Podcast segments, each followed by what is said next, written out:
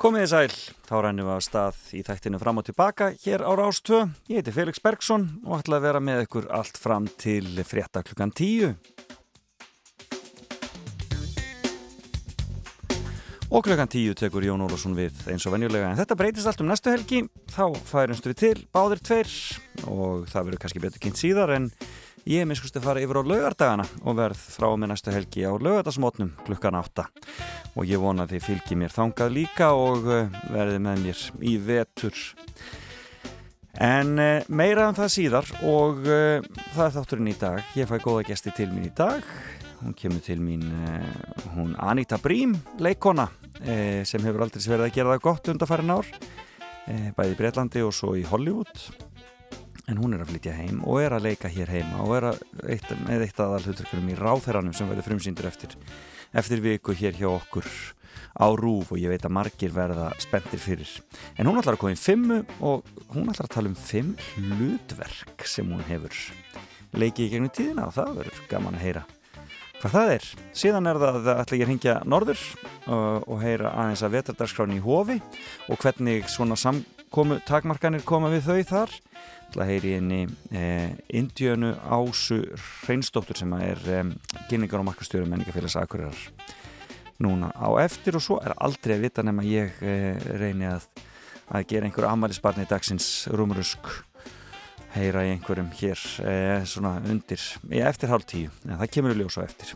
En það er svona lítið að gerast í veðrinu. Svona frekar aðgerða lítið veður næstu dag að segja veðurfræðingur í hugleðingum sínum. Væt og víð á dreif en hverki miklu magni. Já, hætti ekki verið neinn tæljandi vandræði og hiti svona lengsta 5-10 stygg en svona við, við svona aðstæði getur komið næturfrost einhvern það sem léttir til. Þannig að nú er bara að uh, drífa sér út í dag og ná síðustu berjónum sem ennþá er í lagi. Það er nóaðum hér á, uh, já, minnskusti vesturhelmingi landsins En nóðum það, við skulum bara renna okkur í þetta, það fyrir að líða því að hún Anita setjast hérna hjá mér. En áður en það gerist skulum við heyra lag dagsins og ég er að spila lög úr íslensku söngleikum. Hér er lag úr Djöbla eiginni sem var gerð að söngleik í þjóðleikusunni fyrir nokkrum ára síðan. Um, og þetta lag hefur aldrei sleið í gegn um, og einhvern veginn styrst smán saman og var ekki margir sem gerir sig grein fyrir þetta lag sé úr söngleik en þetta er sem sagt eh, lag eh, Braga Valdimars uh, úr djöflæginni í þjóðleikusinu Sigur Gummarsson syngur Orðin mín.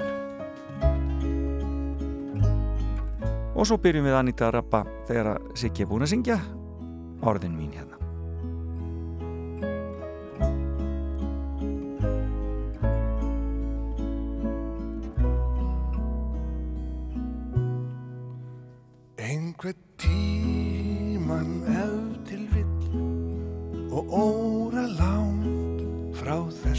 stað.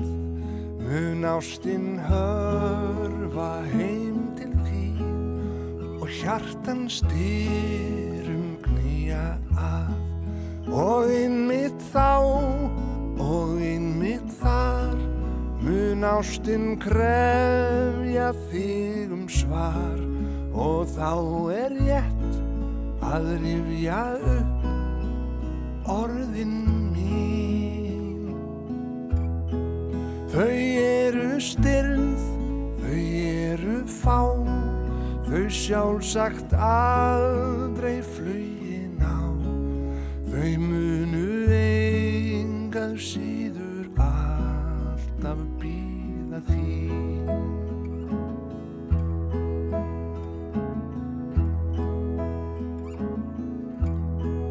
Því hvað er ást og hvað er svar hvernig geymist allt sem var? Mundað hvar sem hjartað slær. Hamingjan er oftast nær. Og einmitt þá og einmitt þar Mun ástinn kröfja þig um svar. Og þá er rétt að rifja upp orðin mín. Þau eru styrð þau eru fá þau sjálfsagt aldrei flugin á. Þau munu ein síður alltaf býða þín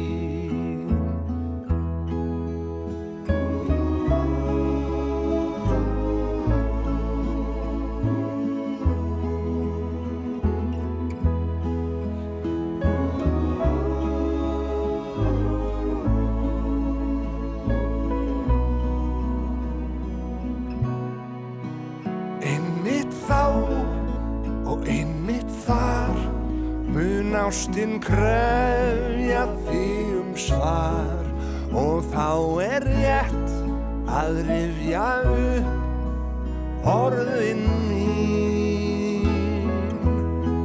Þau eru styrð, þau eru fá þau sjálfsagt aldrei flugin á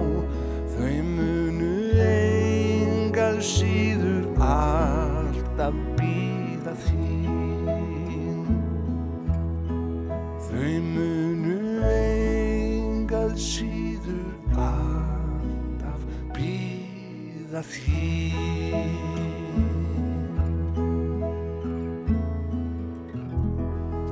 Og þá er viðmælindi dagsins sest hérna hjá mér í fimmunni og það er hún Anita Brím, leikona, hjartanlega velkomin. Og þakka ég kellega fyrir, gaman að vera hérna. Og velkomin heim. Nú ertu bara flutt aftur á, á gamlar heimaslóðir. Já, já, takk fyrir það. Þetta Hva- er bara ótrúlega, ég er svo ánam, svo ánam með mig. Já, það var bara kýlt á þetta. Já. Hvað er Já. árið mörg ár í Ameríku?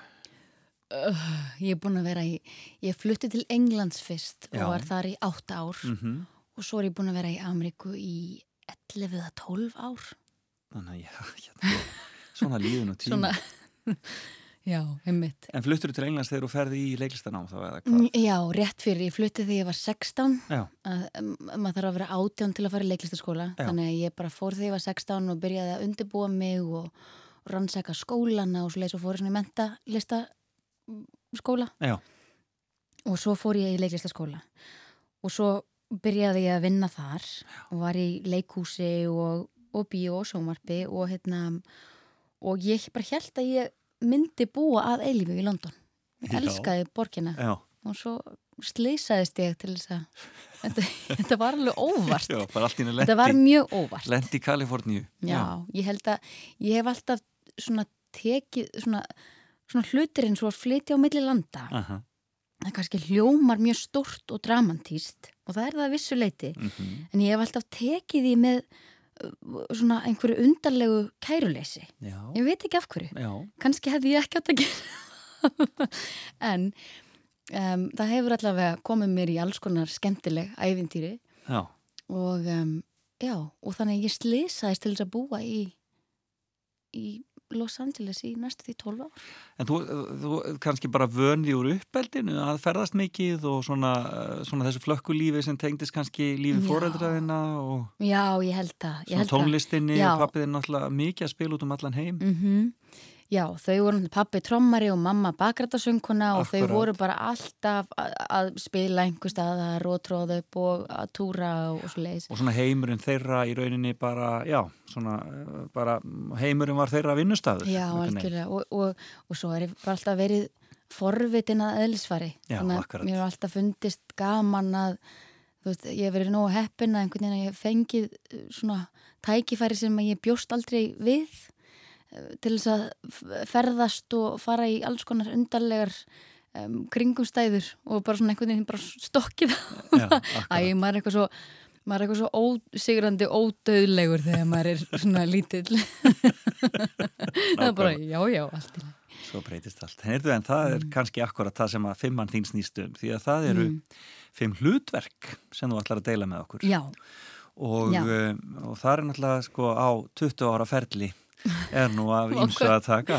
hljómar eins og þessi ógísla gömur Já, ég meina, ég, ég ætla ekki að segja hvað minn, er, minn ferilli langur. En Felix samt, 30 ára ferli. Já. næstu því 30 ára einmitt, Þar hefur það, akkurat, ef ég, ef ég má gera mig ennþá eldri. Akkurat. hérna um, Já, að því ég byrjaði þegar ég var nýjára gömul. Já.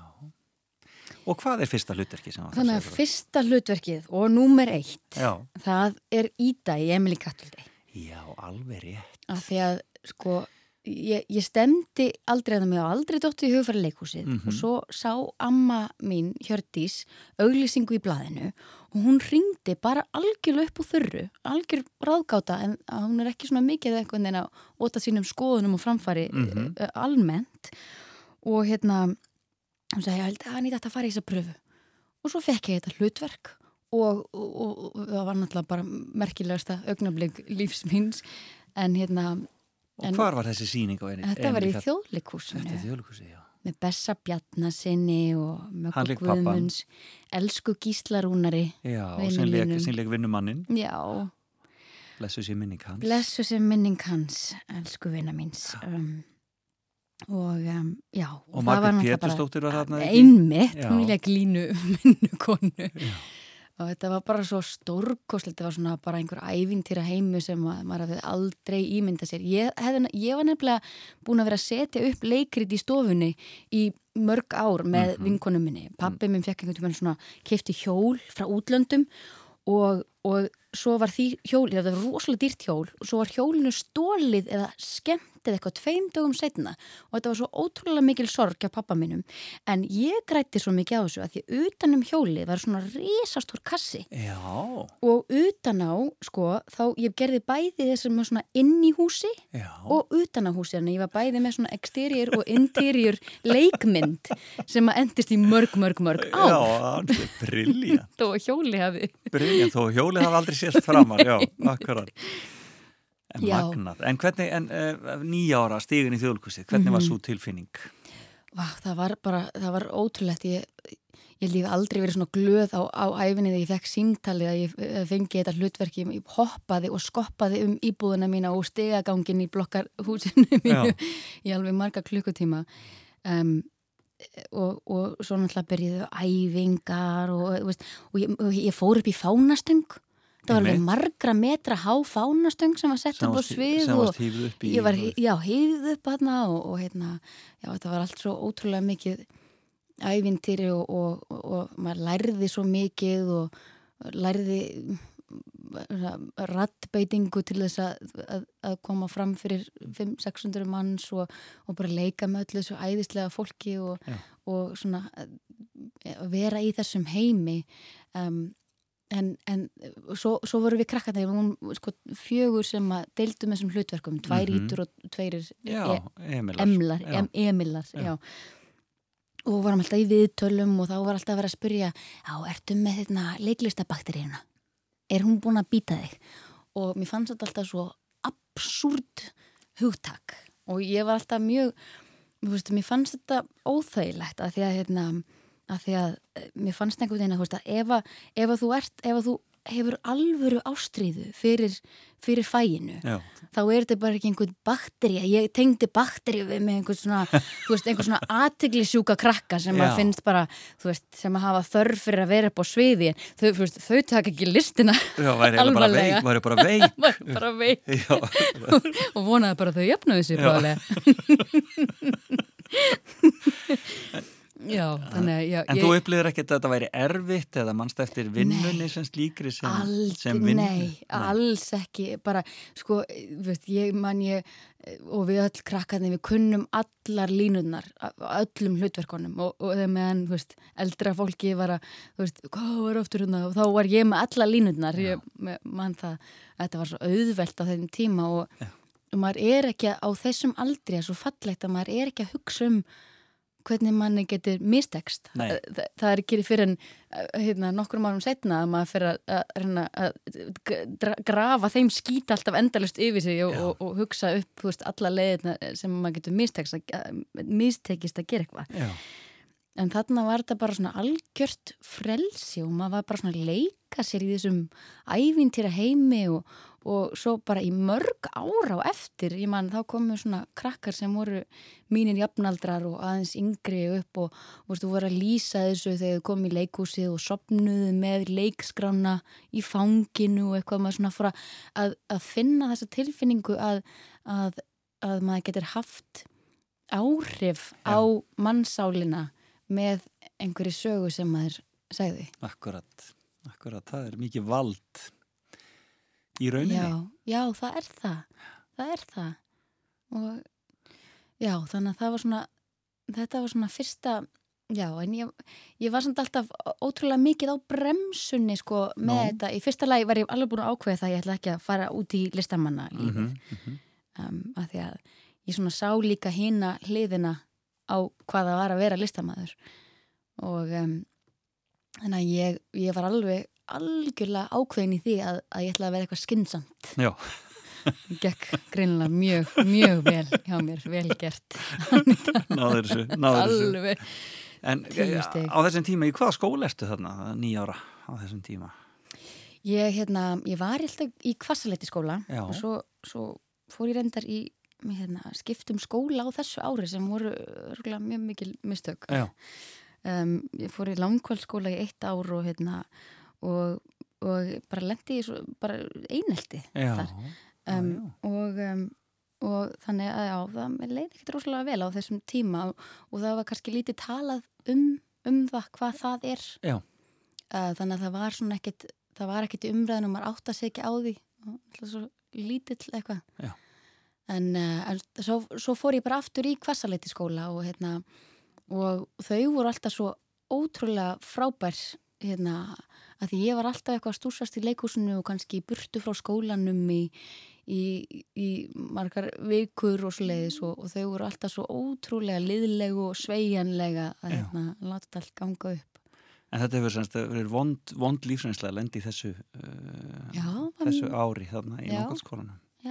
Mjög, var mjög erfitt og bara svona skrítið eitthvað, það setur það setur ennþá í manni ég, hérna, akkurat. ég hitti svo við förum nú á trúnu hérna, Já. Felix minn Einmitt. sunnudagsmáðinni ég hitti hérna, ég hitti eina stelpuna út í búð sem að bekkja sýsti mín um daginn og þetta er þetta ótrúlega mörgum árum setna og ég fekk bara svona stein í magan Já.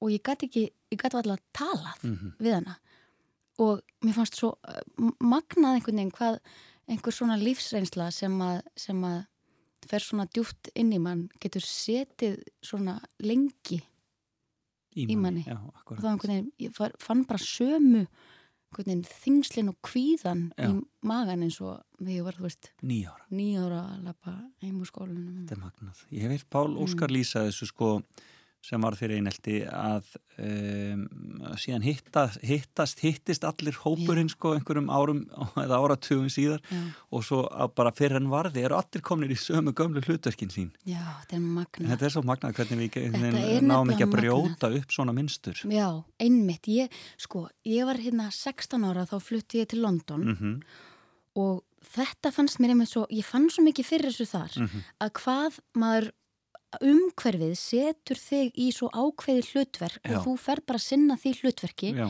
en svo til dæmis ég var alltaf ömurleg í körfubolta, handbolta, fótbolta fimmleikum, ég gæti aldrei farið í handarhlaup, klifra þessa djöfusins kaðla, Já. þú veist, að, bara, að var sex í leikvimi öll Já. árin, öll skóla árin og ég var búin að setja mig bara í þetta. Ég get ekki hreift mig, ég er ekki íþróttamæður ég, e- allt, sem að snýra svoleiðis er ég alveg handónýtt í svo fór ég til London og verði svona allt annað umhverfi og þá ertu allt í einu bara svona færð verður bara svona óskrifa blað. Fær bara annað tækifæri. og fólk sér þig á allt annan Já, hátt. akkurat. og umhverfið var svo var svo uh, magnað, þú veist, að hvað, hvað skilaboð fólk uh, uh, gefur þér.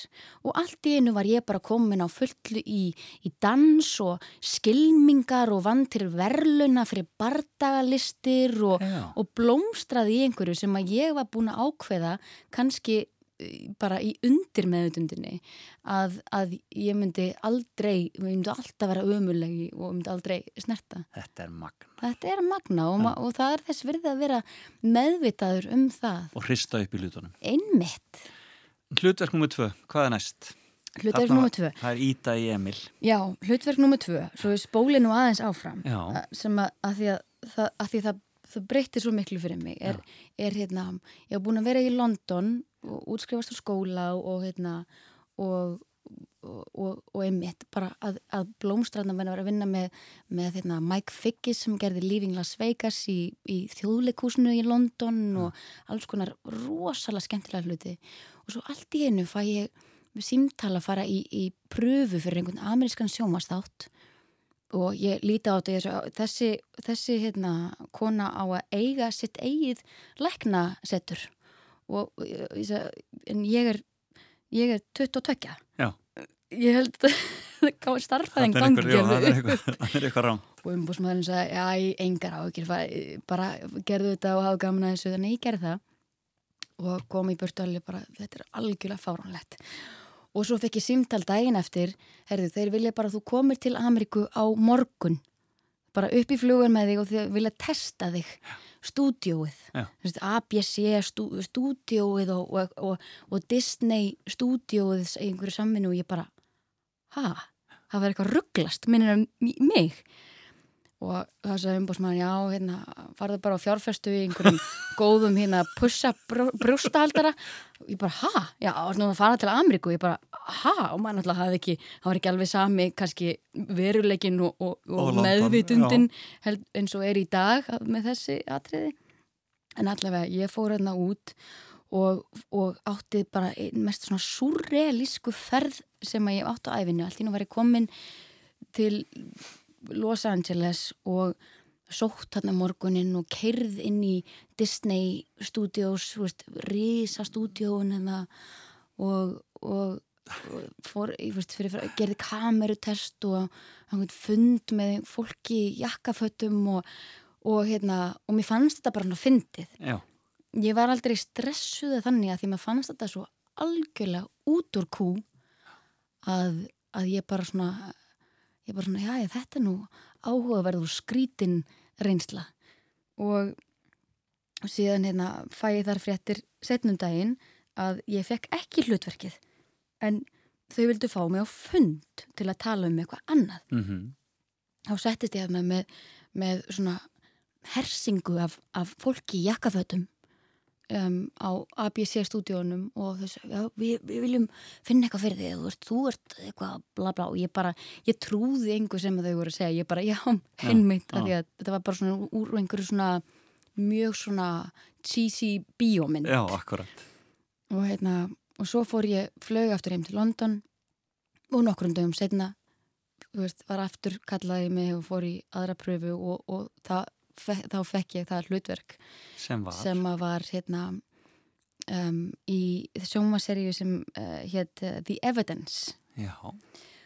Og hérna þetta var svona frekar já þetta var svona löggu drama veist, sem að gekk í eitt sísón og ekkert svona og kannski merkilegast að við það var að ég fekk að leika með hérna, Martin Landau Já, heitinum sem að vann til Óskarsvæluna fyrir Ed Wood Akkurat. og hann var eldri leikari þarna og við vorum alltaf að vinna saman þannig að, að alltaf þegar við vorum ekki í tökum þá vorum við einhvers þar út að borða og hann var að segja með sögur af, þú veist, já þegar ég og Jimmy Dean og Frank Sinatra vorum hérna og já, gera þetta og, veist, og alveg reyf af sér sögunar kvöld eftir kvöld. Já, samilegt. Það var svo æðislegt en já þú, En þá ertu rauninu komin inn einhvern veginn eða hvað? Það, það, ástæðan fyrir því að þetta er nummer tvö hjá mér já.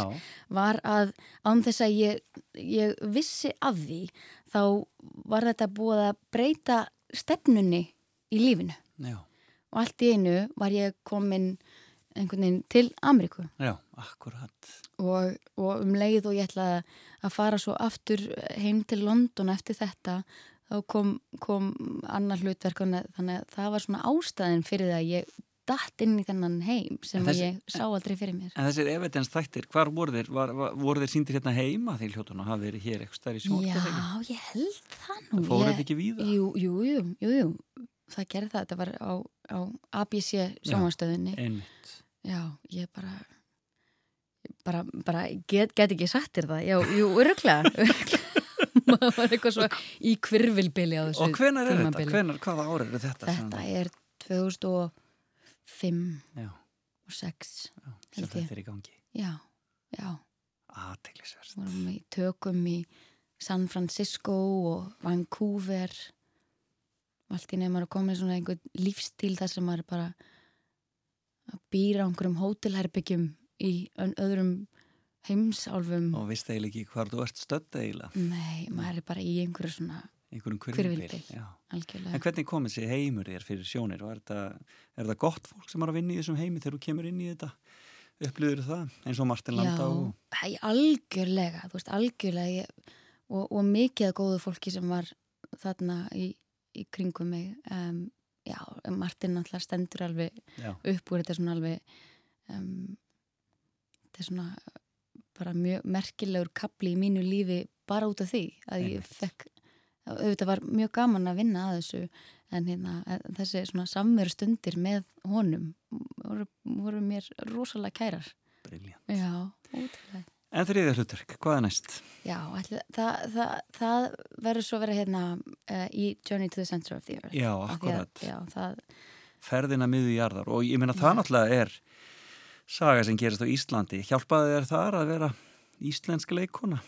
já, örglega ég, meina, ég, ég, ég fór í alveg ótrúlega mikið af uh, pröfum Mhm. alveg ótrúlega mikið af pröfum fyrir þessa mynd að ég held að þeir ætlu aldrei að, að ráða mig þeir ætlu alltaf að ráða einhvern sem varst einhverja fræga Já.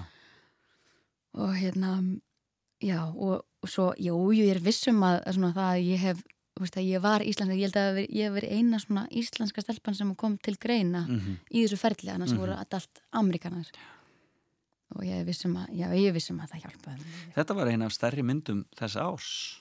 já, Þetta var reisastór Hollywood framleysla. Já, þetta, hún gekk alveg ótrúlega vel svona, svona betur heldur en fólk kannski uh, þorða að vona Já, Hérna, þetta var uh, um, þetta var í fyrsta skipti sem að var tekið upp með, með ja, nýjum myndavélum sem James Cameron um, var búin að þróa í mörg ár einmitt, fyrir myndina sína Avatar akkurat. þannig að um, ég held að sömuleita og James Cameron var aðeins á settinu hjá okkur og, og hérna við vorum svona, ég veit ekki hvort það var grín eða hvort það var svona svolítið sannleikur í þetta að vera eitthvað svona mjög dýrt test fyrir James Cameron og Avatar Já, akkurat.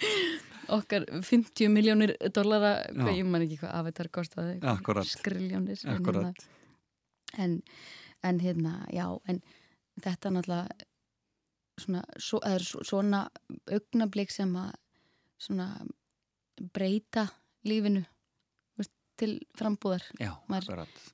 upplifir og, og sér hluti sem maður aldrei sé fyrr Nei.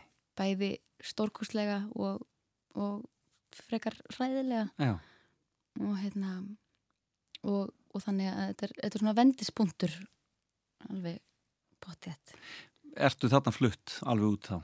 Þegar þetta, þegar þú færð þarna, Já, ég meina þetta, þetta þetta ver- hlutverk. svona, svona, svona framlegslu verða svo ofbúslega mikil batteri Mm -hmm. þú veist, það verður svo, verður svo stórt plan að, að, þú veist, bara með hvernig myndin er kynnt og Já, þetta er bara einhver er ára, bara- þetta er einhver ára að vinna bara hreinlega. já, það, er- það, það er það þetta er Já. alveg ofbúslega mikið batteri og, Mm og hérna og maður er alltaf svona komin í í hendurnar og ég man einu svona fyrst, einn daginn einhvern veginn vakna maður upp og ég fekk e-mail og þá voru sko 20 manns á e-mailinu og því er allir komið teimi af Já, lögfræðingum, umbúsmönnum, managerum, fjölmila, veist, þetta er bara náttúrulega frekar, þetta er svakaleg maskina. frekar fáránlegt. Já, og auðvilt að, auðvilt að eh, svona týnast í þessu.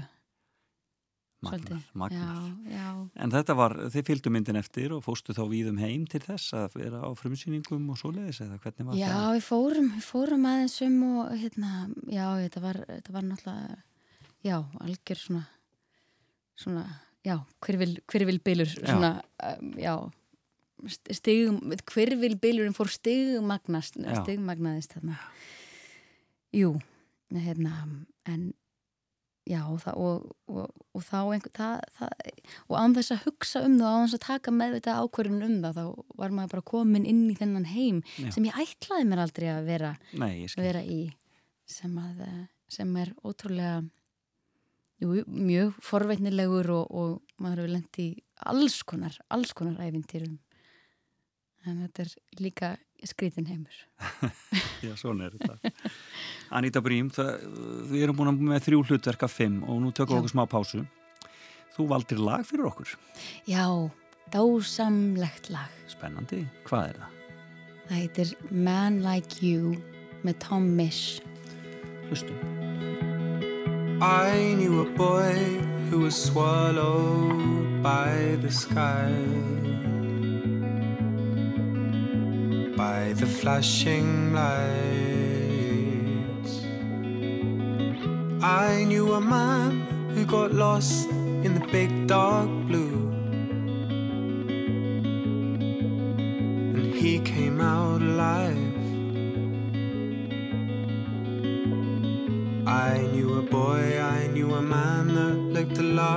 Like you. I knew a time that you could stand still beside. Never rushing by. I knew a place you'd go for your head to explode. Into peace of mind. I knew a boy, I knew a man that looked a lot like you. I knew a time, I knew a place that felt a lot like you.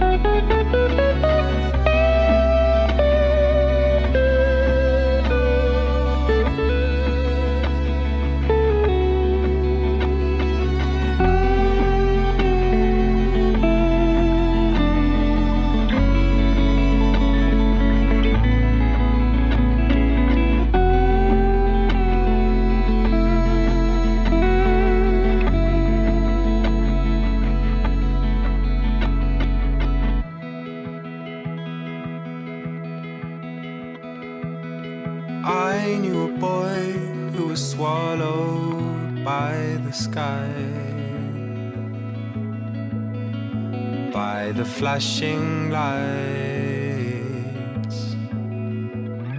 I knew a man who got lost in the big dark blue. And he came out alive. I knew a boy, I knew a man that looked a lot like you.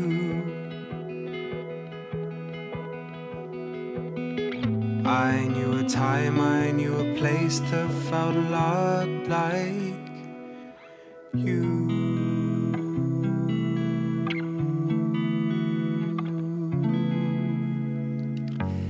A Man Like You uh, og þetta var óskalag fyrir Anita Brím sem situr hérna hjá mér og við erum að fara í gegnum fimmuna sem eru fimm hlutverk að þessu sinni. En við erum komin til sem sagt LA þú ert í rauninni flutt út þarna frá London til, til Ameríku hvar, hvar komstu þér fyrir þegar þú kemur til til Los Angeles Ég var svona bara búið út um, út um allt. kvippin og sko. kvappin bara já. Já. Er, er það þannig að fólk leigir á þeim slóðum frekar en að kaupa sér já, kaupa sér íbúð eða ég- svoleiðis? Já, ég leiði smá tíma og svo kefti ég mér hús fyrir sex árum síðan Já, í austurluta borgarinnar já, já, sem er kannski minn uppáhalds mitt uppáhaldssvæði í, í borginni. Heitir Highland Park.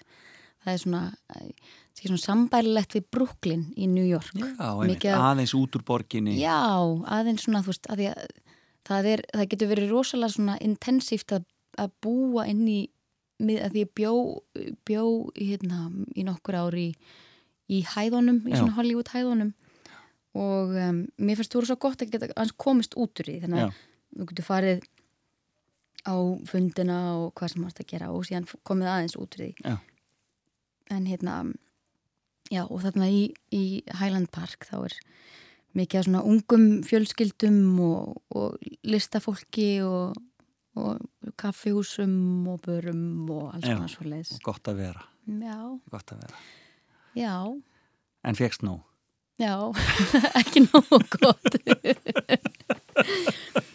þetta er svo, þetta er svo, hérna, þetta er svo fyrðulegt. Já, það tógar alltaf Ísland tógar alltaf eða hvað Það er eitthvað við fjöllin og klettana og þetta tógar í mann tógar í mann. Og norðanáttina og garran og það, rigninguna. ég bara elska þetta. Ég elska þetta. Veistu það, Felix, að, að það er allir alveg, ó, er ekki geggjað að vera svona góðu veðri og sliðis en fyrir mig, ég hef aldrei upplifað einhverja beina tengingu á milli góðs veðurs og, hamingju já, nei, og hamingju, já, Og ég hamingju. skil já. aldrei, Það bara- það, hefur, það, hefur aldrei Það fyrir mig Nei, Ég veit að gera það fyrir marga en það, það gera það ekki fyrir mig. Ég elska að vera í myrkrinu og ég elska að vera í kuldanum og ég, veist, veturnir eru, eru svona mitt uppáhalds tímabil. fara í heimsóttu mömmi mývasveitina Oh. miðjan vetur og bara Ég elska það og hvernig þú veist, það verður aldrei almennilega bjart, það bara svona hangir í einhverju svona, þú veist, sólarlægi, sólar upprá, sólar eitthvað, þú veist, mér finnst þetta svo æðislegt. Já, ég Ég held að svona það eina, það eina sem, að, sem að ég mun sakna frá Los Angeles eru ávakstatrén mín. Já, Ég er svona með svona ávaksta trjá, svona, lund svona, bl, svona. svona bleiti, Já, já blæti, Blæti, blæti. já. Ég er með ávaksta trjáa blæti. Ég geta bara farið út og teikt eftir eplinu. beint af trénu bara Einmitt, ég er með fíkjutré, granateplatré, ferskutré, blóðappilsinutré, hérna sítrónutré, þrjú avokatotré, pekannetutré um, og svo grænmeti og jarðaber og, og Já, eitthvað hérna ég, já, það þarf ekki mikið að fara út í búð á svona stöðum. Nei, þetta er út í garðan á Það í þetta. Það það náttúrulega æðislegt. Og er þetta allan ásins ring sem þetta er þá að? Já, Já. algjörlega og svo bara, við svo, svo dásamlegt að fylgjast með þessu, ég get bara, ég get verið að fylgjast með sítrónutrénu til dæmis. Veist, fyrst koma blómin, svo koma bíflugurnar og bíflugurnar er alveg að nostra að blómunum og svo leiðis og bara sér þetta gerast og svo koma pínu, pínu litið svona græn og, svona, og, og horfir á sítrónunum að fæðast. Veist, þetta er bara, magnað. sérðu þig ég með þetta er trjá og blæti, Þetta er blæti. þetta er bara þar. Við erum konar fjórða hlutverki. Já, Hvað er fjórða hlutverkið? fjórðarhlutverkið er um, steinun úr ráðherranum. Já, það er bara það er það sem við erum að fara að frumsýna, þú veist að fara að frumsýna bara núna eftir viku Já. eða hvað? Ekki spurning að því að, að því að ég fekk þetta stórkurslega tækifæri til að leika þessa um, um, mögnuðu konu Já, og með um, æðislegu fólki. Veist, Ólafur Darri leikur ráðherran, ég er ráðherra frúin hans um, og, uh, og bara það er svo bara teimið í kringum þetta allt og hérna er, er svo stórgóðslegt og, og vel skrifað og og, um, og auðvitað var ég bara fyrst og fremst, ég var svo spennt fyrir um, að dýfa mér inn í þennan heim já. Hvað var svona magnað við þessa konu? Nú, eftir, nú eigum við eftir að sjá þetta þannig að við, Þetta er saga af um, mjög óvenjulegum pólitíkus mm sem að svona ætla sér ekki að fara inn í pólitík en svona lendir svolítið þar. Og þau hjónin eru teimi í þessu og ég á stort fjölmjöla fyrirtæki og þannig að stund þetta er svona, svona lenda á gráu svæði og, og öll svona um, þannig að pólitíkin sjálf og allt umstangið og sagan og, og hérna um, og, og, öll þróun þetta er svo ótrúlega spennandi og mér fannst bara mjög spennandi að, að dífa mér inn í þann heim Já, allan.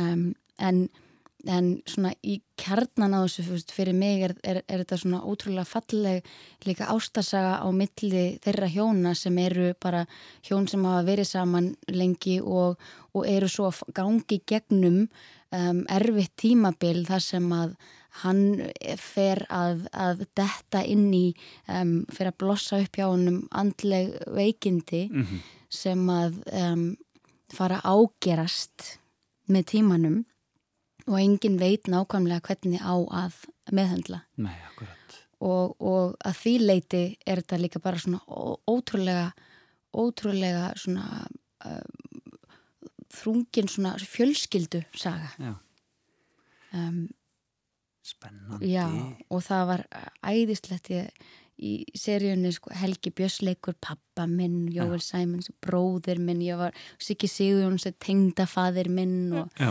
þannig Þorvaldur Davíð og Þurriður Blær og, og alveg bara stórkostlegt fólk í, í, hérna, í hverju hlutverki. Og, um, og það er svo gaman sko, sérstaklega þegar maður er að gera svona langa serju yfirleitt uh, bíómynd svona þessar allavega svona smærri bíómyndir eru kannski þá ertu í tökum í, í fimm vikur, sex vikur. Mm en hérna voru við í tökum í fjóra mánuði og, og þú ert með næstu upp á hvern einasta dag eða hvað? eða? já, með, þetta er náttúrulega hérna, kannski, hann, Ólafur Darri er, er alltaf leikur burðar hlutverkið. Akkurat um, en um, jú, en, en það, ge, það leifi manni að bara svona búa í heiminum Já, akkurat, í allan þennan tíma akkurat og þá getur maður farið svolítið djúft sem er um, sem er bara uh, ótrúlega nærandi og, og, og, og krefjandi vissulega, mjög, mjög krefjandi en, en hérna, já, það, var, og það var mjög erfitt að fara að koma úr þessum heimi. Og er, er það þetta hlutverk sem dregur þig heim í rauninni? Þetta, þetta hlutverk um, breytti mínu lífi Já. Lí- líka persónulega séð að því að þegar ég kom út aftur eftir alla þessa veru á Íslandi að þá einhvern veginn sá ég ekki heiminn eins. Það var bara allt það var allt breytt, ekki svo mikið breytt en mér fannst allt í hennu mér fannst allt í hennu ég einhvern veginn vera lent á jörðinni. Já, mér fannst ég vera einhvern veginn komin aftur inn í sjálfa mig já, ef að það Meikar ekkert skil. Og, og hérna þannig að ég, ég fór út aftur og, og mér fannst mjög erfitt að fara frá Íslandi mér fannst mjög erfitt að bæði að koma út úr heiminum sem ég bara, það þurfti að draga mig nauðuga út úr heiminum. Ég vildi alls ekki ráð þeirra heiminum Já, Nei, það var ótrúlega ljúfur staður að vera á. Um, Steinun er mjög miklu betri manneski en ég. Já ég skil, ég skil. hún er hans meira Já, betri að öllu leiti veist mér.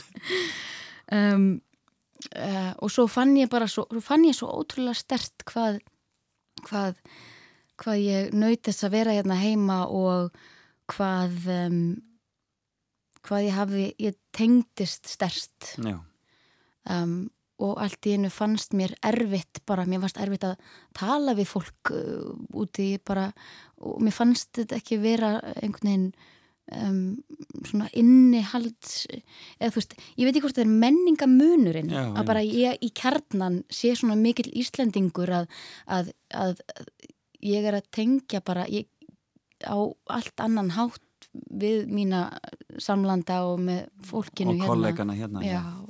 En þetta er náttúrulega flókið, það er flókið að, að fara að, að draga heila fjölskyldu heimsálfa á milli Já, auðvitað hérna, dóttir mín Mía, hún er sex ára Já, og það spilaði auðvitað stóran uh, parti í þessu öllu saman af því að, að því að þegar hún var minni og við vorum svona eitthvað að flakka á milli hér, Já. fara hingað og þangað þá var þetta svo auðvelt já, en svo núna þegar hún er sex ára þá fór, fór ég svo mikið að hugsa um sko, hvernig, hvernig manneskja verður hún Já. og hvaða umhverfi er ég að, að, að, að gefa henni til að hlúa að henni til þess að byggja hana og, og, og móta hana sem mannesku mhm, og, og, um, og allt í einu áður fyrr þegar fólk spurði mig svona, hérna alltaf ekki koma heim og eitthvað svona þá var einhver smá partur af mér sem að, sem að var hrættur við það að ok, hva, þetta er miklu minni markaður hvað ég fæ ekki að gera Akkurat, hvað, þú veist, já. ef að mér mistekst eða, þú veist, hva, hvað gerur eða, þú veist, farið ekki að gera, farið ekki tækifæri á Íslandi.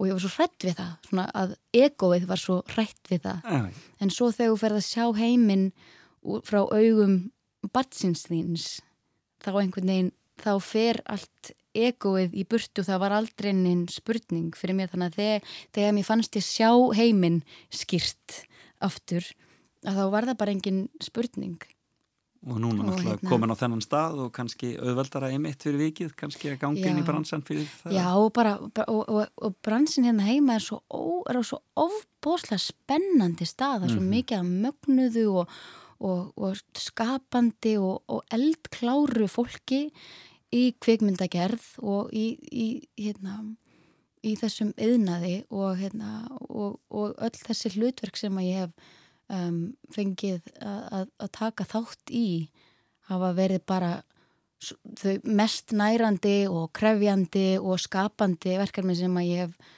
sem að ég hef verið í á æfinni að, Og svo er sannarlega hægt að gera út þann, eins og menn gera. Jóhannes já, og Ólafur Darri og fleiri. ekki spurning að því að heimurinn, þetta er svo við erum ekki í 1920 þegar bara þú tekur bátinn út þá kemur ekki aftur heim Akkurat, að, akkurat. að, að, að þó að það kannski hljómi eh, sem ótrúlega svona stór atbyrður að flytja á milli og, og eins með bara að flytja heim þú veist það er ekkert sem að segir þá að það sé þurfa að vera endarleg ákvörðun um algjörlega, alla um alla framtíð. Nei, Tíminn er alveg að hlaupa frá okkur. Já. Við hefum eitt hlutverk eftir, já Þa, það er náttúrulega það, það mikilvægast af öllu hlutverkum sem er, móður hlutverkið nema hvað. móður hlutverkið Það- Felix Það er, já, það er að því fallegt. að þegar öllu er á botnin kvöld þá er það það sem að í mínu lífi er, skiptir eh, mestu máli Já, þetta er það allra dýrmætasta sem að ég á Já.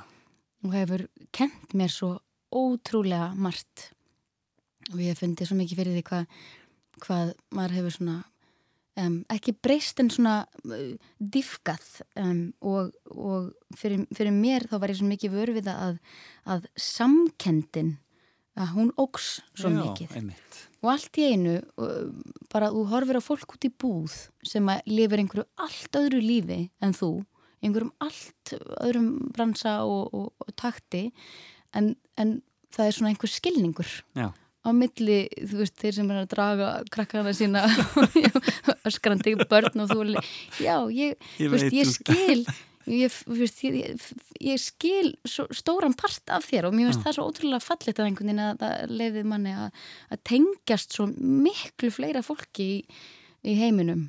Dásanlegt, já, já dásanlegt. svo bara er maður svo heppin Anita. Brím, það var dásanlegt að fá þig í fram og tilbaka og þarna, eins og ég segi, tíminn hlaupin frá okkur og velkomin heim Þakka og til þér hamingi með ráþurann, ég get ekki beðið eftir að sjá. Ó, ég er mjög spennt að sjá hvernig þetta fer í fólk við ætla að búið að leggja ofbúslega mikið hjarta og vinnu í þetta ég vona að fólki líki vel Gangið þér vel. þakka kærlega fyrir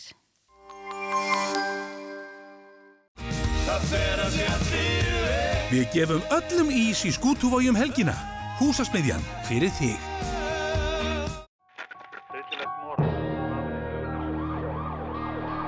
Sönn íslensk sagamál Serja 3 Mæntaleg 14. september Aðeins á Storytel Munið vinsalu gjafabrefin í stærstu veiðibúð landsins. Veiðihornið síðumúla.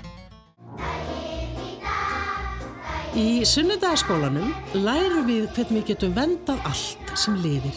Börn, dýr og náttúruna. Komdu og vertu með. Kúrðu bara áfram og hlustaðu áfram og tilbaka á Rás 2.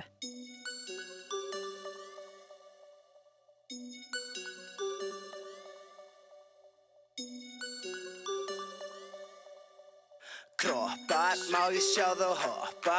Bassin er svo þungur ég finn gólfi byrja brotna. Svo að þú vilt koma Mundu ekki fokast Því ég held að sé á reyna Reykjavík er okkar. Reykjavík er okkar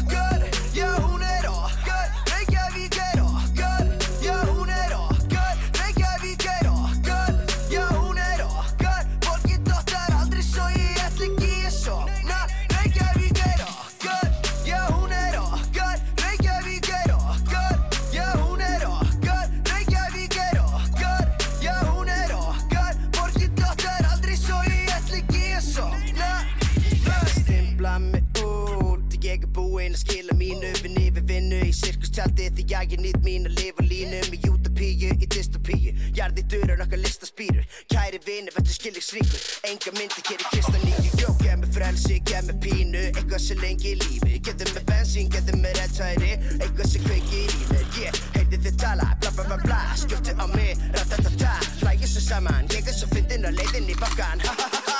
Teppu uppi ærinin að halda hitt á hóknum Ekki. Koma með í nesin, ekki vaða á skónum Þetta er svo róleg party, ég finn ekki fyrir óknum Því ég allir sem að eru eitthvað er í vina hóknum Kroppar, má ég sjá það hoppa?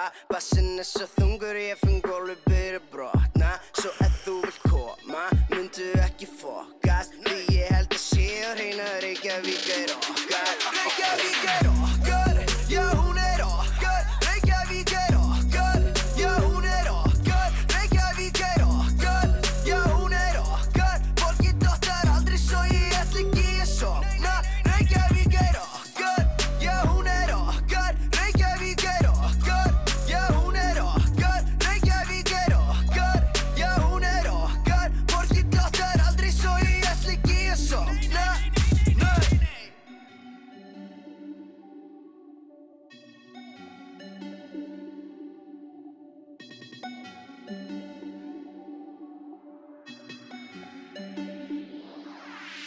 finn Malbyggi Ísko sólan og ránka Við með með sólum að glotti Ég er á leiðin í banka Allt sem ég geri er svakalegt.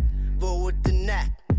Byrtist í blæðinu Er þetta frétt? Mamma sjáðu hvað ég nettu. Mamma horfum, mamma sjáðu. En líktu síðan undan svo Verður ekki brjáð Ég og vini mínu lifum draumi sem við þráðum.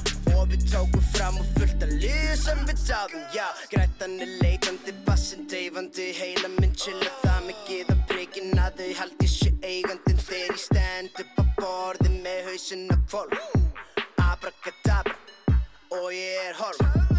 Kroppar, má ég sjá þá hoppa? Bassin er svo þungur, ég finn gólfi byrja brotna. Svo ef þú vilt koma, myndu ekki fokast Því ég held að sé á reyna Reykjavík er okkar. Reykjavík er okkar, Já, þetta er gammalt og gott. MC Gauti þarna og eh, Reykjavík. En það fer að líða að nýju fréttum hér á Rás 2 og svo höldum við áfram í þættinu fram og tilbaka og hér eftir nýju þá ætla ég að ringja eh, til Akureyrar. Heyra í henni eh, Indíunu Ásur Hreinsdóttur hjá menningafélagi Akureyrar um hvað sé að gerast í hofi á næstu vikum og svo er aldrei við þannig að við náum í eitt ammarisbart, það kemur í ljós hér og eftir. Við miskusti spilum svolítið að lögum með ammarisbörnum dagsins, það er alveg á hreinu. Það, það, því lofa ég hér eh, eftir nýjfréttinar en uh, Anita Brím farin á braut, það var gaman að fá hana í heimsókn. Og uh, en nú kemur smá tilgjengalestur og svo förum við í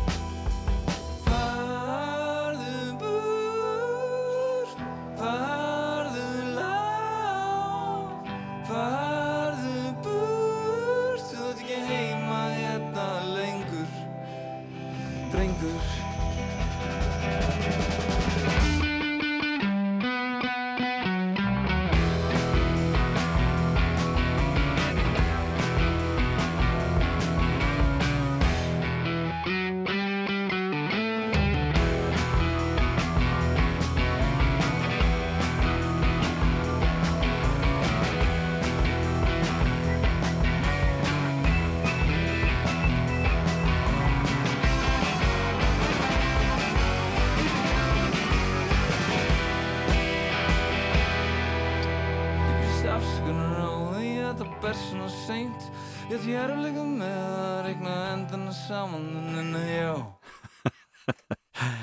Þetta finnst mér skemmtilegt. Ég byrst afsökunar, þetta var að sjálfsögðu Markus, eitt af þessum frábæru lögum sem hefur komið undir föllum árum frá íslenskum tónlistamönnum sem er nú margi fartin að hugsa sér til reyfings enda er nú kannski aðeins að róast í kringum okkur í sam, samkomi bönnum og um, við ætlum einmitt að ræða það aðeins hér og eftir. Ég ætla að ringja norður og heyra í þeim í hofi hvernig þau uh, glíma við, við þessar aðstæður sem eru uppi núna og hvernig þau sjá veturinn fyrir sér. En leikúsin er að fara af stað á fullt og við sjáum mikið um það hér og hvar og allstaðar e, fyrstu frumsýningarnar bara núna þessa dagana og um, já, ég held að þjóðleikúsi byrji og borgarleikúsi byrji bæði um næstu helgi en e, og öruglega leikfélag akkur er líka, við heyrum það eins og ég segi þegar við ringjum norður og eftir.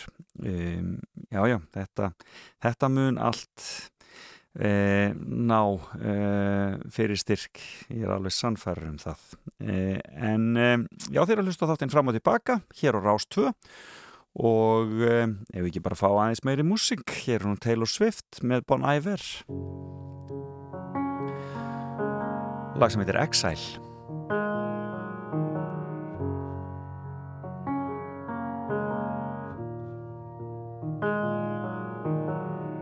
I can see you standing, honey, with his arms around your body, laughing, but the joke's not funny at all. And it took you five whole minutes to pack us up and leave me with it, holding all this love out here in the hall. I think I've seen this film before, and I didn't like the ending. You're not my homeland anymore. So what am I defending now? You were my town, now I'm in exile, seeing you out. I think I've seen this film before.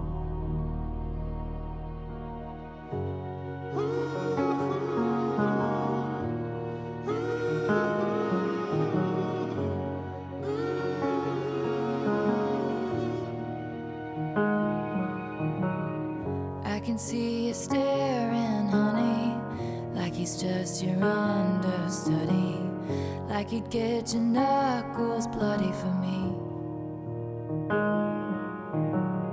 Second, third,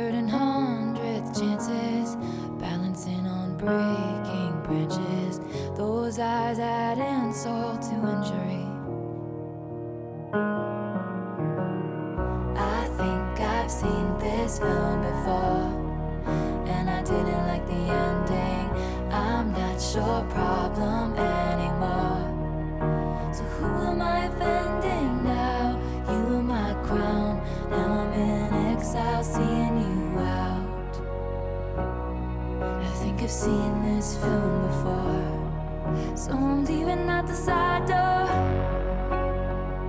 So step right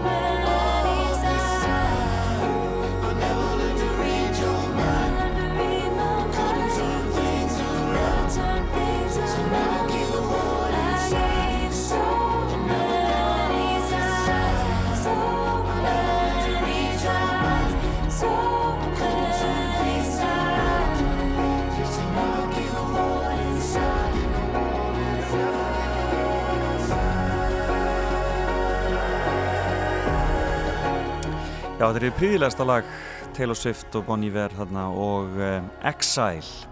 En það er svo margt skemmtilegt að gerast þessa dagana og margt sem að er að hægt að hlakka til. Eh, annað kvöld byrjar til dæmis í sjónvarpinu hér hjá okkur á Rúf eh, nýjast þekn og vísindi að nýju.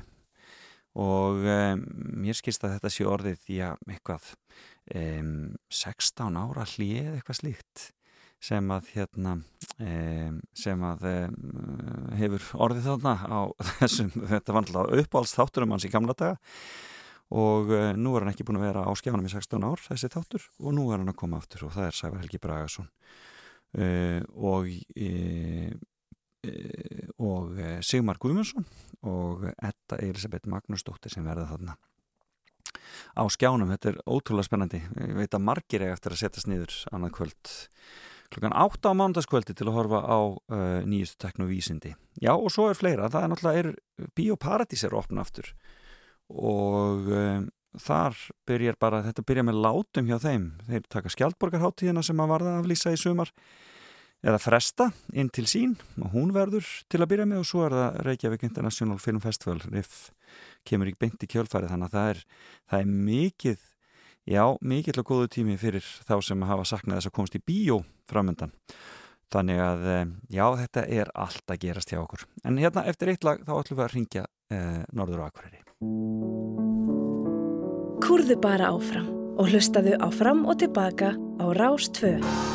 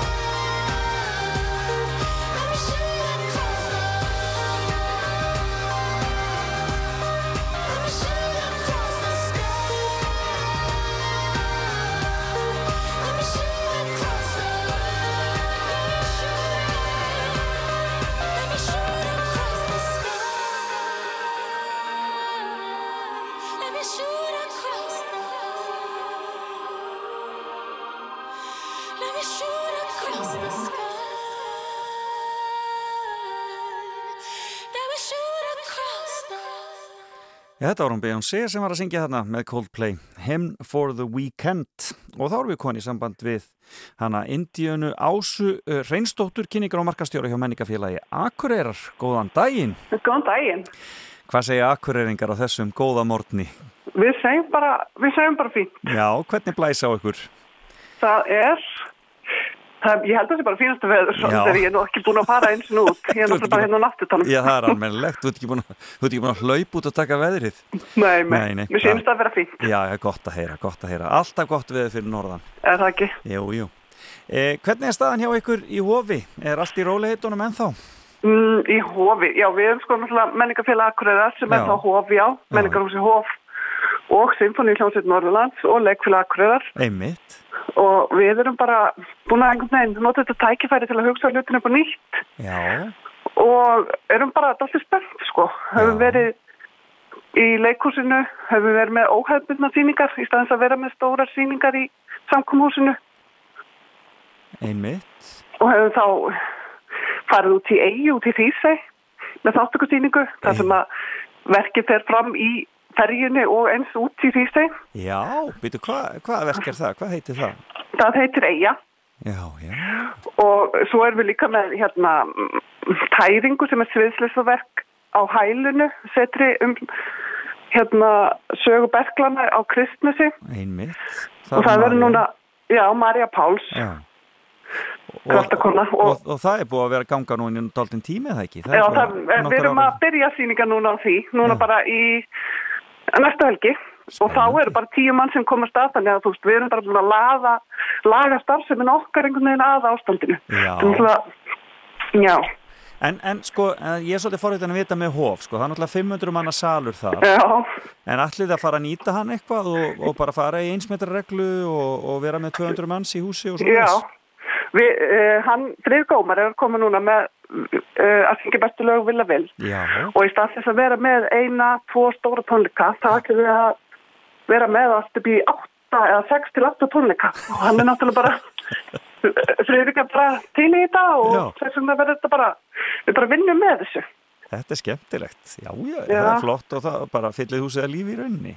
Já, og líka, þú veist, Symfóníuhljómsveit Norðurland ætti náttúrulega að vera búin að ha- halda stóra symfóníutónleika Já. en þessi stað erum við bara búin að taka nýja stefnu, erum núna með upptökur fyrir Einmitt. þar sem að sveitin er búin að haldast í æfingu þrátt fyrir að vera ekki að halda neina tónleika og erum búin að taka upp tónlist fyrir Hollywood og Netflix og BBC, David Attenborough og, og kveikmyndaskáld um allan heim Já, að- hljómsveitin var náttúrulega spilaði stórt hlutu hvernig Eurovision myndinni var það ekki? Já, nákvæmlega Þetta er skemmtilegt. Já, þannig, þannig að... að- þannig að það er nóg í gangi þó að, þó að áhörendur megi ekki koma í hús. Já, Eða ekki margir, minnst skusti. já og það er bara, það er tækifæri í öllu Já. Og sjáu þið fyrir ykkur að, að, að þetta verði svona í allan vetur eða, eða ætlið þið bara að laga ykkur að því ef að hlutinni breytast? Já, við ætlum að laga okkur bara að, að, að, að aðstæðum hverju sinni Já. og svo erum við nú að fara að, að æfa fjölskyldverki Benedikt Búalf í samkomhúsinu við trúum því að þetta mun umtaka enda. Já, akkurat. Og svo var þetta stóra samstarfið þjóðlíkusið undir ykkur vikunni, sá ég. Nákvæmlega, þannig að Það er ekki svolítið spennandi? jú, núna verðum við samgangur okkur á milli, fáum gestasýningar og förum með okkar bestu sýningar söður. Frábært. Þannig að Já. það er ótrúlega skemmtilegt. Já. Ert þú búin að vera lengi þarna hjá menningafélaginu? Ég er búin að vera í tvö ár held ég, rúm tvö ár. Og hvernig líkar er að vinna í þessu? Mér finnst þetta bara mjög skemmtilegt. Já. Eftir 15 ári í blaðmennsku að koma hérna með ein við borðið, Já. það er bara gaman og náttúrulega vinna með allir þessu list og skapandi fólki. Já. Það er alveg krefjandi en, en ótrúlega skemmtilegt. Og átti ekki greiða leið þá inn á fjölmiðlana með að kynna allt sem þú þarfst að koma á framfæri? Er greiða, greiða hér og greiða þar. Já, það er ágætt. Skemmtilegt, já, það verður gaman að fylgjast með því og spennandi og greinilegt að það er ímislegt í gangi. Ég sé að Pálmi Gunnarsson ætlar að fara að halda hjá okkur tónleika Já, já, já, já. og eh, haldið því ekki ennþá inni bara, það er alveg stemt á það að halda þá. Já. Amalist tónleikarnas Pálma. Algjörlega. Það er bara, svo sem fingur að það mun ekki breytast aftur. Þetta er náttúrulega fer fram og tilbaka þessar reglur og við bara förum eftir þeim og vinnum okkur bara einhvern veginn með þeim. Frábært. Já, maður verður að drífa sér norður, koma og sjá Pálma eða koma og sjá tæringu. Mér líst rosalega vel á, á þá Já, sýningu. hjá ekki spurning og bara tíu miðar á hverja síningu þannig að það þarf að hafa hraðar hendur. Heyrðu frábært. Heyrðu, Indiana ásað var gaman að heyri í þér og þarna byrjum bara að kella hilsa norður og gangi ykkur vel í vetur. Takk hella fyrir. Já, takk fyrir. Bless, bless. Já, við getum ekki enda þetta öðruvísin á Pálma. Þetta er náttúrulega svo mikil gargandi snild, sko.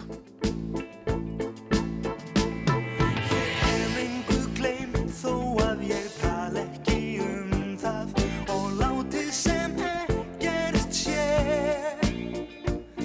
það er víst best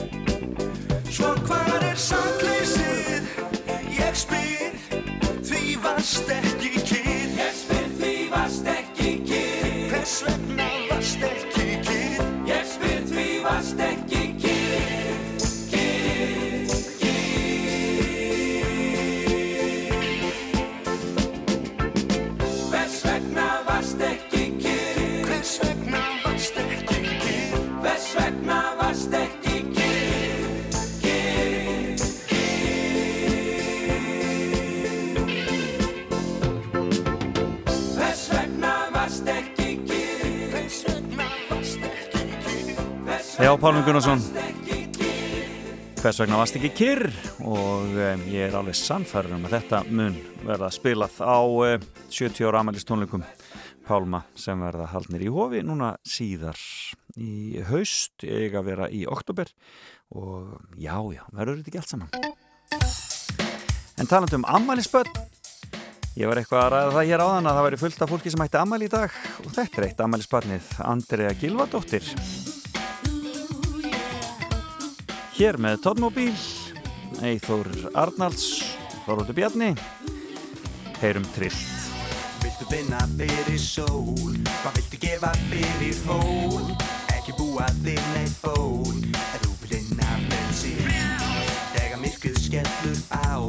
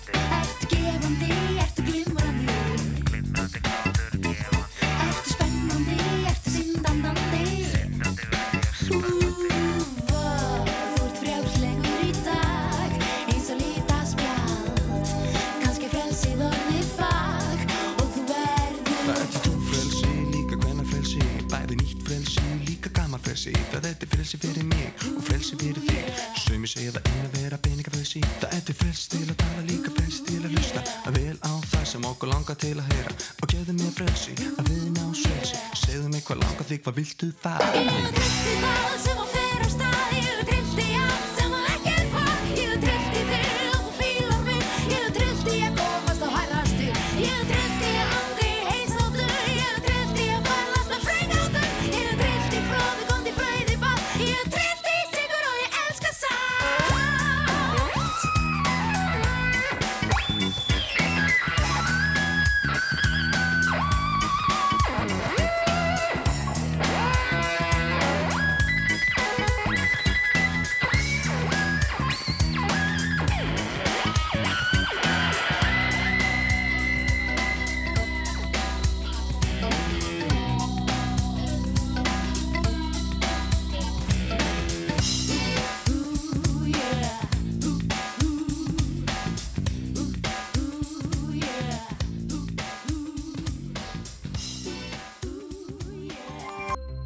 Velkomin á Fætur. Fram og tilbaka á Rástfö.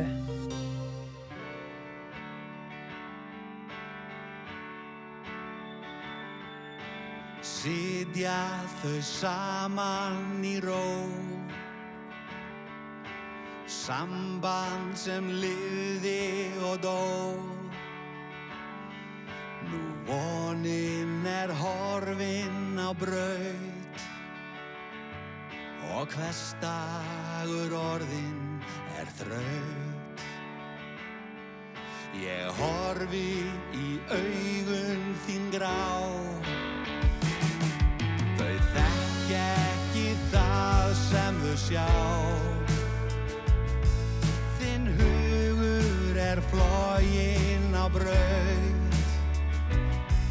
Og árin í aldanna skaut. Hvar ertu núna á fallegum stað? Fjöllin og fjörðurinn vitna um það. Nú tíminn er ekki til, því fortíðin kallar á þig.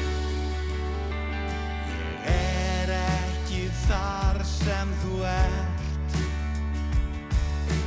farin ég veit ekki hvert. Ég vona þér líði samt vel Perla í logari sker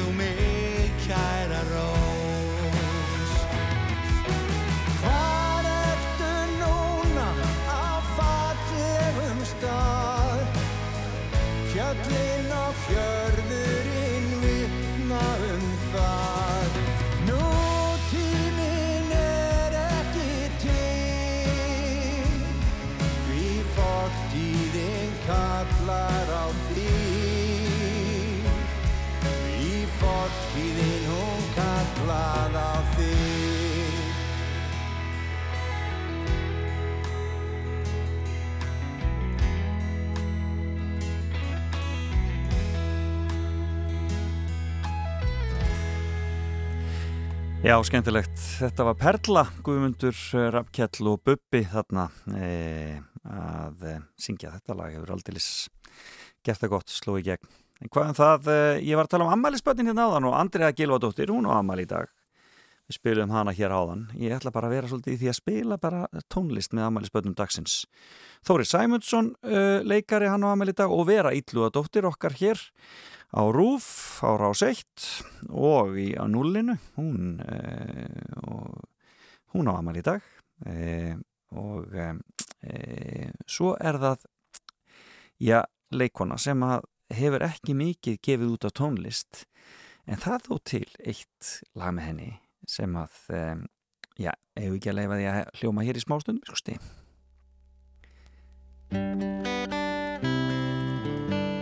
Edda Björgvinsdóttir, hún á amal í dag. Hún á sér tíu ánga, fimm agnir, fimm snáða. Hver dagur er gáta sem gott er ekki að ráða. Að drífa þau á fætur á dagmálum hverjum. Með dálitlu argi og dángli og erjum.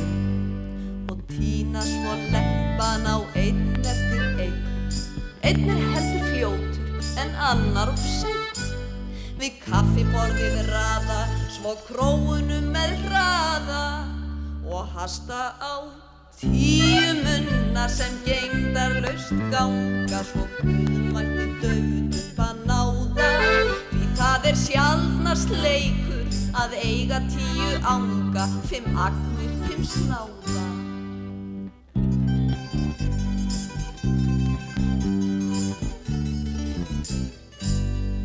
Á sér tíu ánga, fimm agnir, fimm snáða.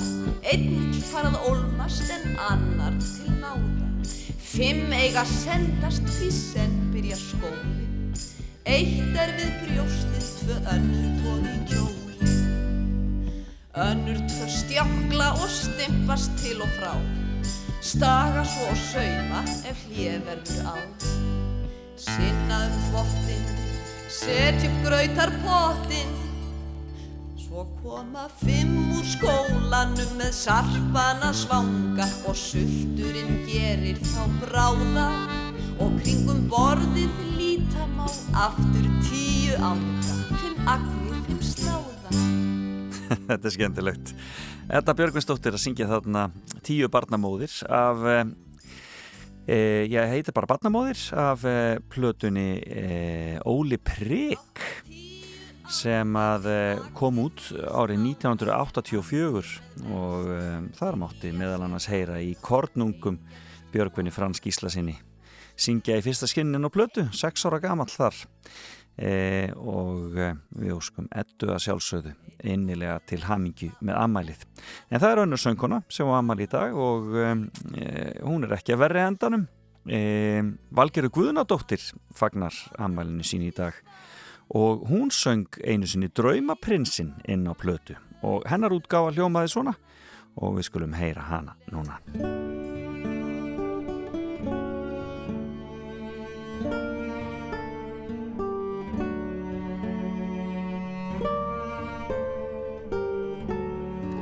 Já, við óskum öllum aðmælisbötnum dagsins innilega til hamingi með daginn. Við eigum eitt eftir raunar hér á eftir.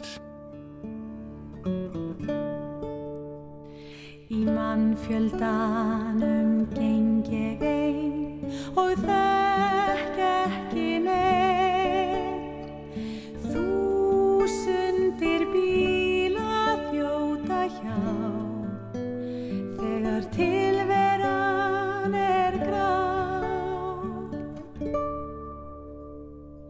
Ballum þessa helgi margur von góður fer. Með bakkusi út að skemmta sér. Kannski skelli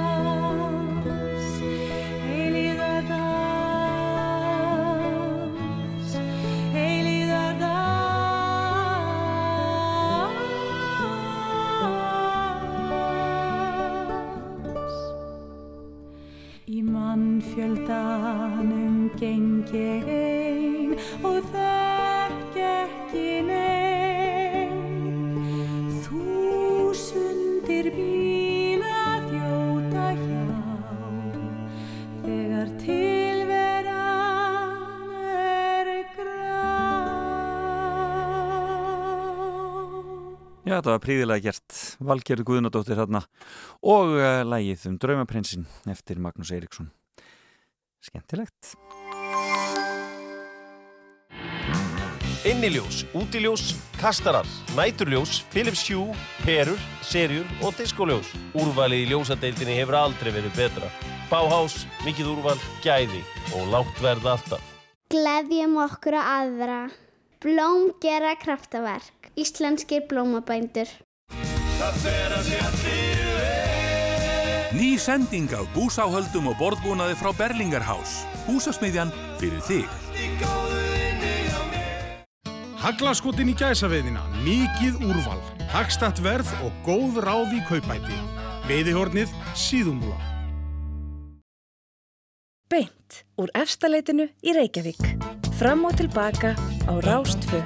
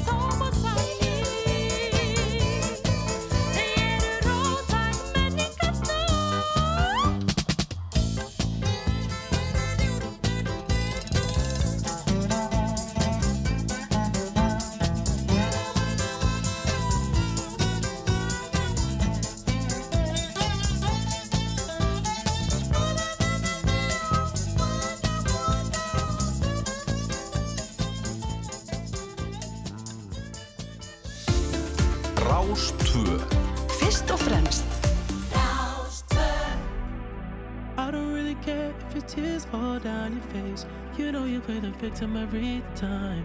I know you getting turned every night.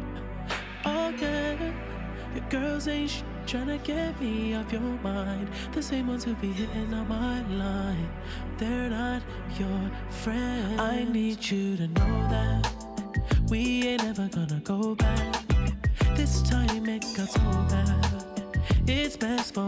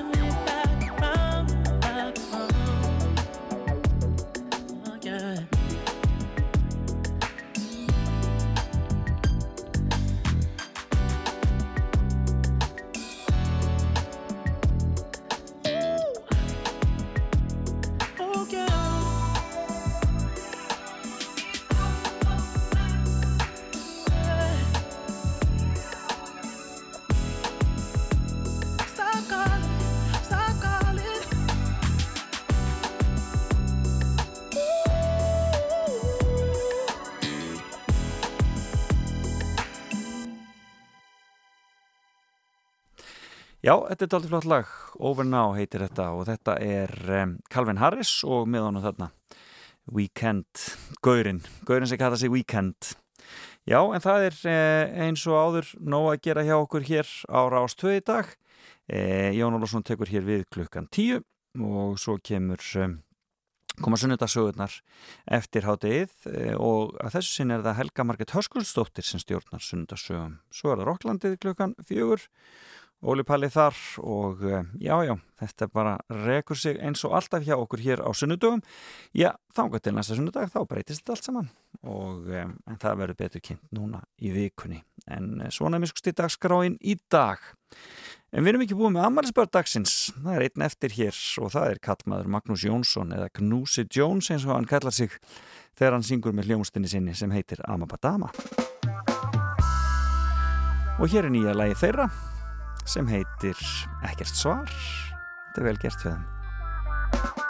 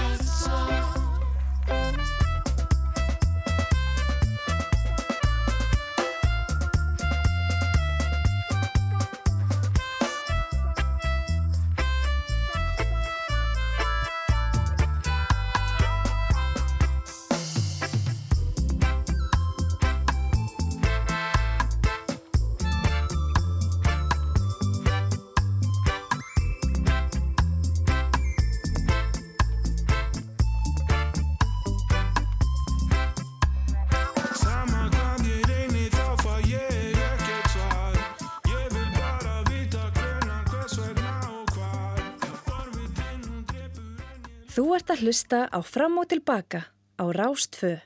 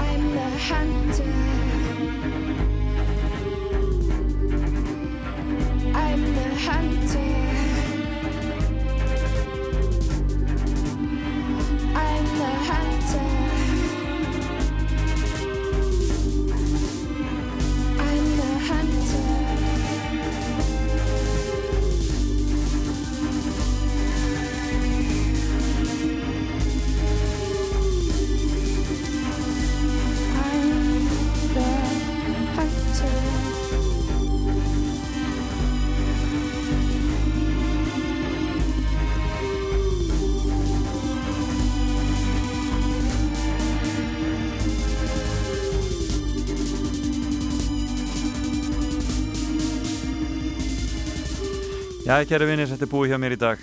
Búið að vera gaman að vera með ykkur eins og alltaf hér á sunnudasmórnum. Þetta er búið að vera heilmikill tími. En þetta var síðasti þátturum minn á þessum tíma e, í byli að minnstakosti og e, næstu helgi verði ég á laugardegi og byrja næsta laugardag þannig að endilega verið með mér þá klukkan átta hér á Rástfö. En ég þakka viðmælundum mínum í dag henni Indíuna Ásu Reynsdóttur á Akureyri og Anitu Brím e, hér í Reykjavík e, og hveti ykkur til að fylgjast með ráþæranum þegar hann verður frumsyndur hér eftir viku. En takk fyrir í dag, Jón Olsson tekur við eftir tífréttirnar. Bless, bless.